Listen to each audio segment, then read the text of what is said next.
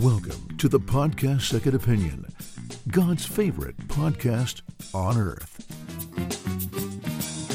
Välkommen till podden Second Opinion. Jag heter Jakob Rudenstrand. Och jag heter Olof Edsinger. Så det här vara sista podden på ett tag. Eh, så att vi kanske inte kommer höra så ofta, eller hur Olof? Nej men precis, det verkar ju så. Um, vi har gjort ett antal inspelningar under året, men um, Eh, Sia fortsätter naturligtvis jobba, men du Mm. tar en liten break. Du kan ju berätta varför också. Ja, just det. Eh, det är ju, först kommer ju så, såklart semester, och vilket vi båda ser fram emot. Men sen under hösten kommer jag faktiskt att gå på pappaledighet.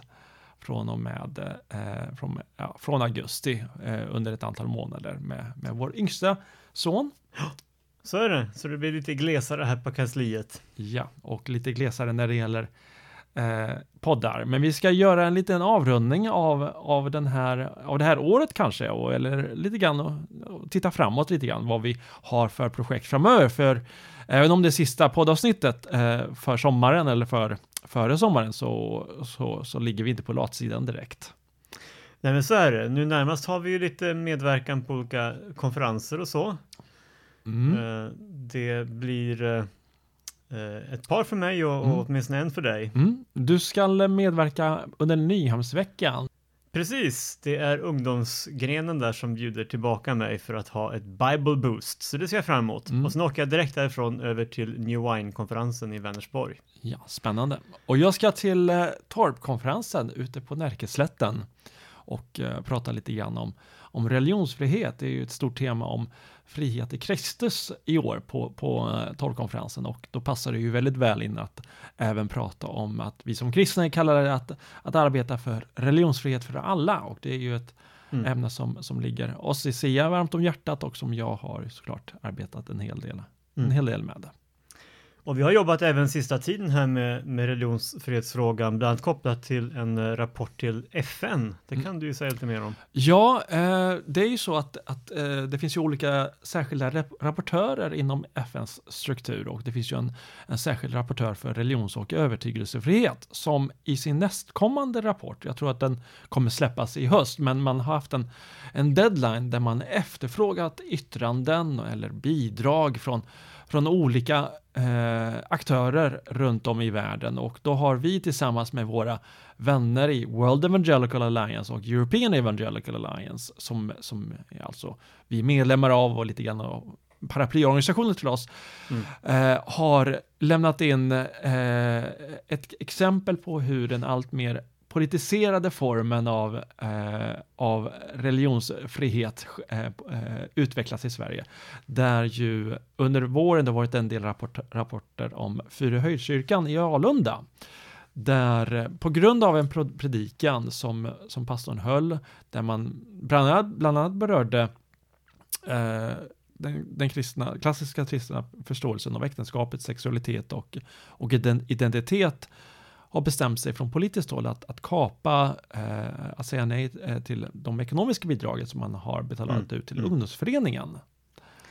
Nej men precis, och det finns ju flera saker man kan ha invändningar mot där. Eh, principiellt är det självklart så att en kommun har rätt att bestämma kriterierna för sina bidrag, men här är det ju en eh, hållning som dels i sig inte är diskriminerande. Mm. Eh, det är dessutom en mainstream-hållning i, i den kristna kyrkan, så att, så att det är egentligen hela den kristna religionen man går emot och det är Mm. kanske inte en kommunstyrelses uppgift trots allt. Nej, inte att villkora stöd i synnerhet när det Eh, när, det, när man pratar så väldigt varmt om, om, om politikens armlängd avstånd från kulturen och att man inte ska ha synpunkter på vilka kulturella uttryck som man, eh, som man ger bi, ekonomiskt bi, bidrag till eller, eller media och så vidare och talar så väldigt varmt om fritt civilsamhälle. Mm. Och i det här fallet så, så har man ju inte alls ett, ett armlängds avstånd och det är någonting som vi påpekar eh, för FN i den här inlägget tillsammans med WEA och EEA eh, och nämner att det här inte är ett enskilt företeelse utan det är ett Mm. stor del av ett stort mönster där politiker både på nationell men också lokal nivå formulera olika former av demokratikriterier eller, eller krav på en viss form av värdegrund. Förra regeringen eh, la ju fram till och med ett, ett skarpt förslag om, om väldigt strikta demokratikriterier där representanter för enskilda församlingar skulle kunna genom uttalanden eller Mm. uttryck kunna äventyra ett helt samfunds statsbidrag. Ja, det finns en missuppfattning hos ganska många svenska, inte minst politiska aktörer om att vi kan, kan tycka och tänka hur som helst kring det här med mänskliga rättigheter. Men det är ju faktiskt så att vi står under internationella konventioner och det är de Mm. som, som vi också måste anpassa våra definitioner av, utifrån. Mm. Eh, Och det här hemmasnickeriet, att, att var och en antar sin egen värdegrund och sen kräver att alla andra ska dansa efter just den kommunens eller den organisationens pipa, det är ju inte hållbart. Det är som Mm. sagt, det är därför vi har internationella konventioner.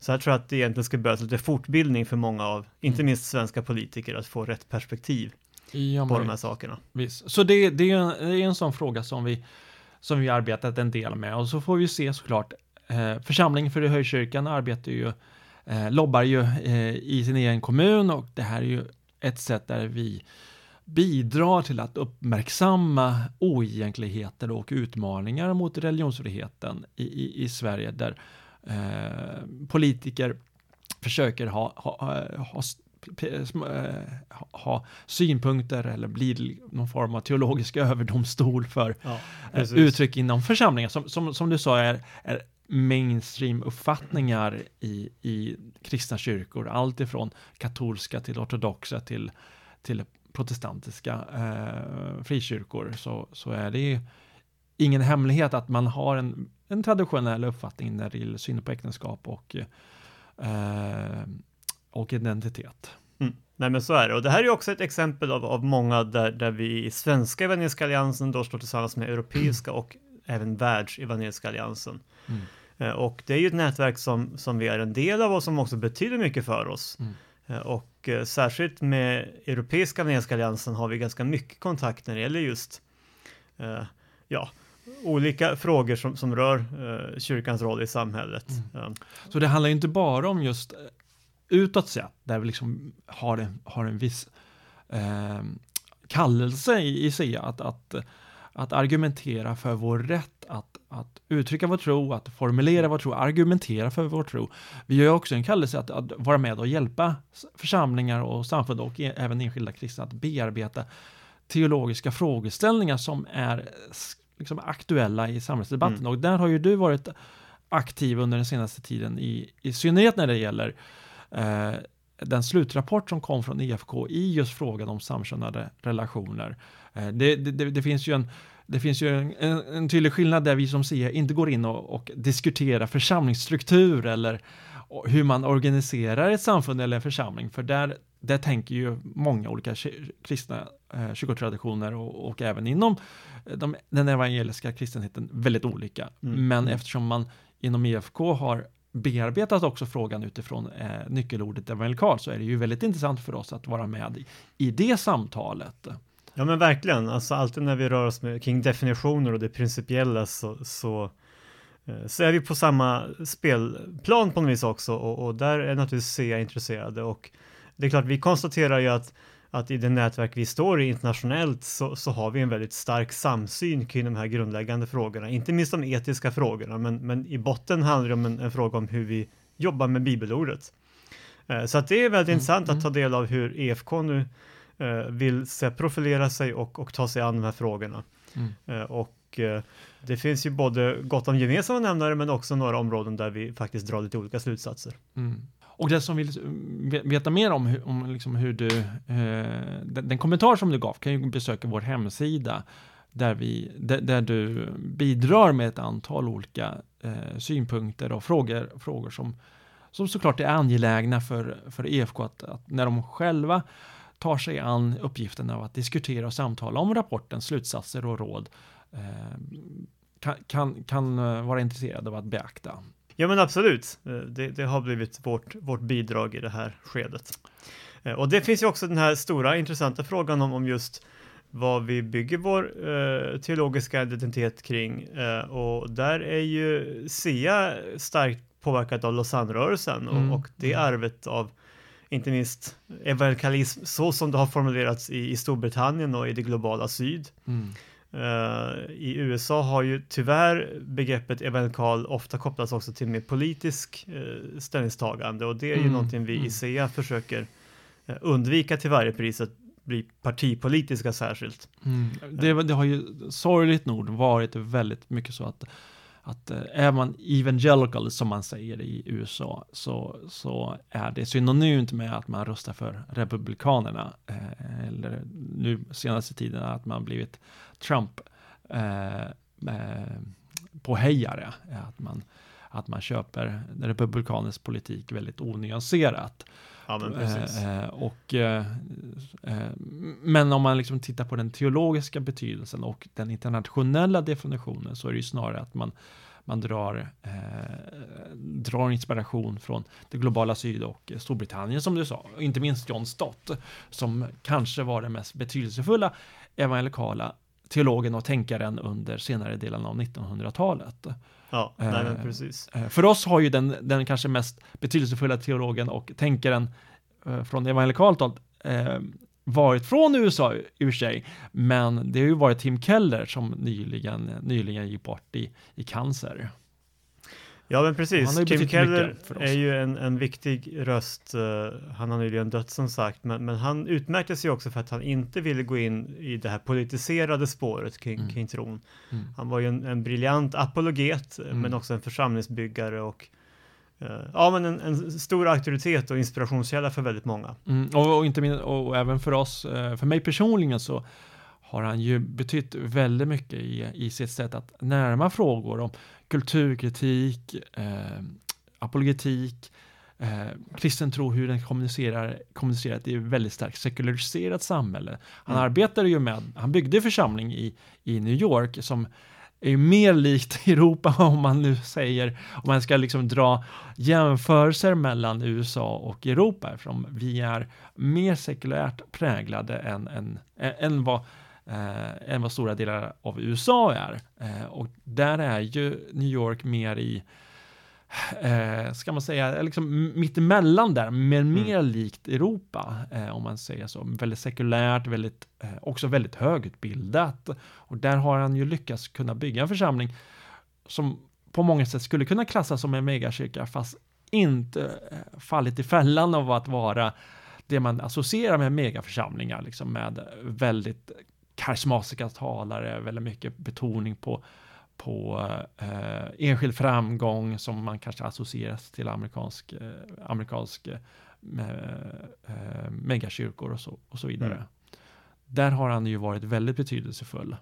Och det som Tim Keller bidrog med, det var ju att, att ta in olika influenser, både från filosofi, teologi, eh, populärkultur, mm. eh, sociologi och eh, skapa en syntes av detta i att försöka dra människor till, till Jesus, till evangeliet, utan att låta som att han var klyschig eller partipolitisk som så ofta är, är, är risken med, med, med, en del av amerikansk kristen, kristenhet. Um, och eh, jag lyssnade bara för några dagar sedan på ett, på ett samtal han hade med, med eh, moral psykologen Jonathan Haidt som vi också har, har, har skrivit en, en, mm. en, del mm. om, om eh, eh, hur man eh, i ett pluralistiskt samhälle hanterar olikheter och det är en sån fråga som vi arbetar väldigt mycket med här i SI att, att, att vi tycks gå mot allt mer polarisering, allt mer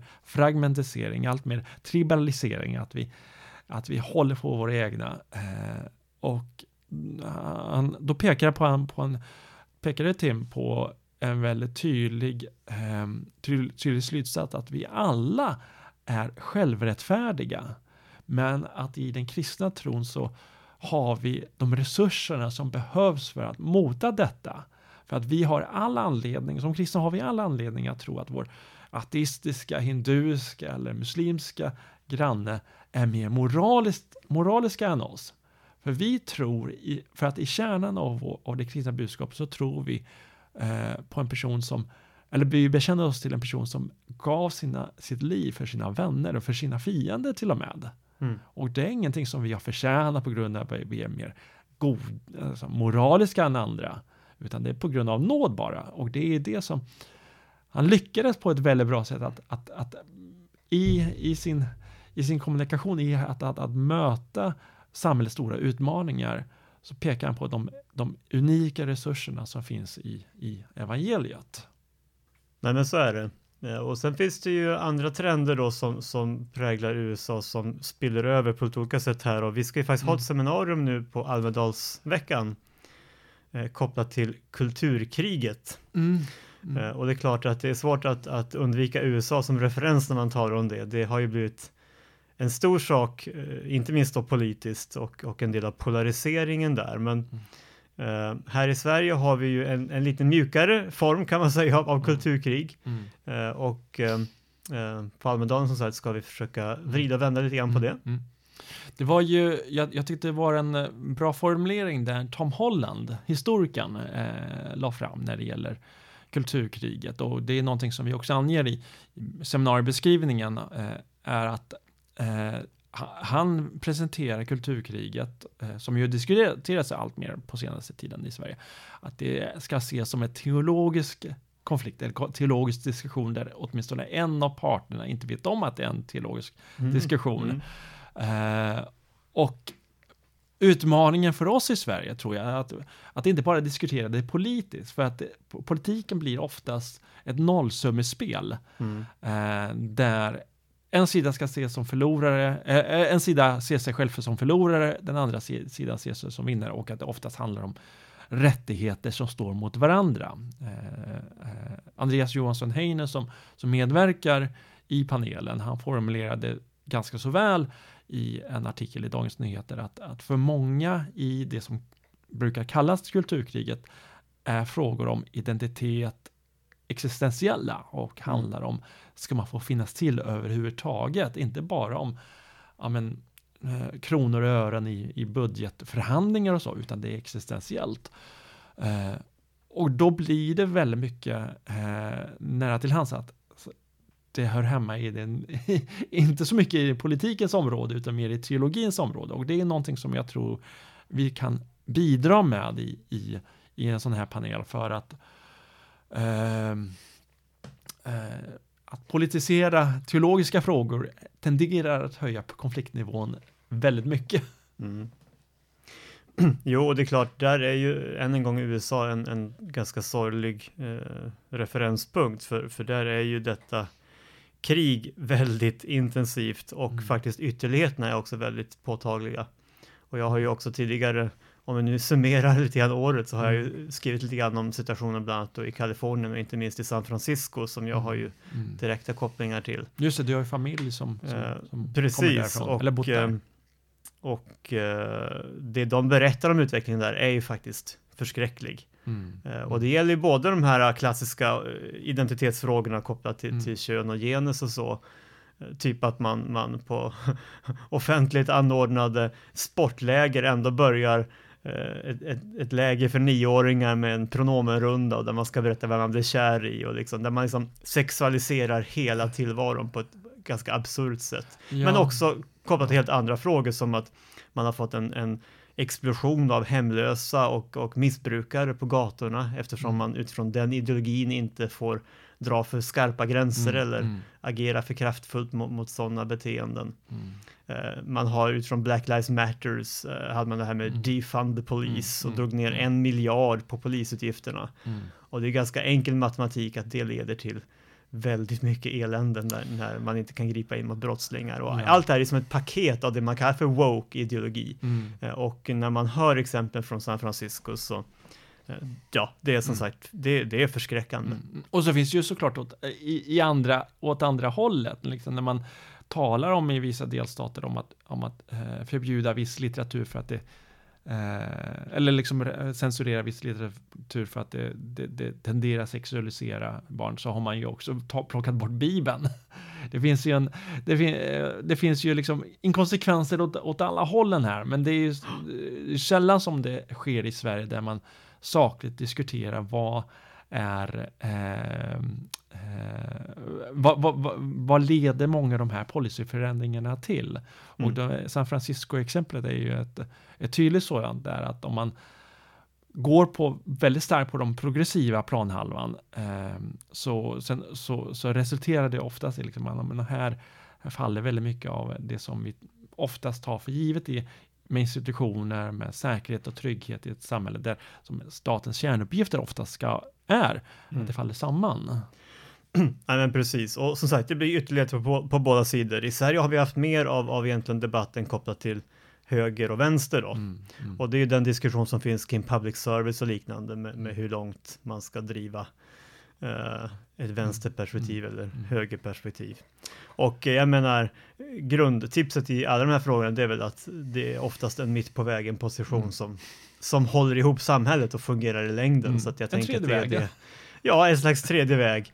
Uh, och det är väl det som, som någonstans även vi på SEA eftersträvar. Vi, vi vi kan inte ha ett samhälle eller skapa ett samhälle där vi håller med om allt som alla tycker och gör. Det, det funkar inte så.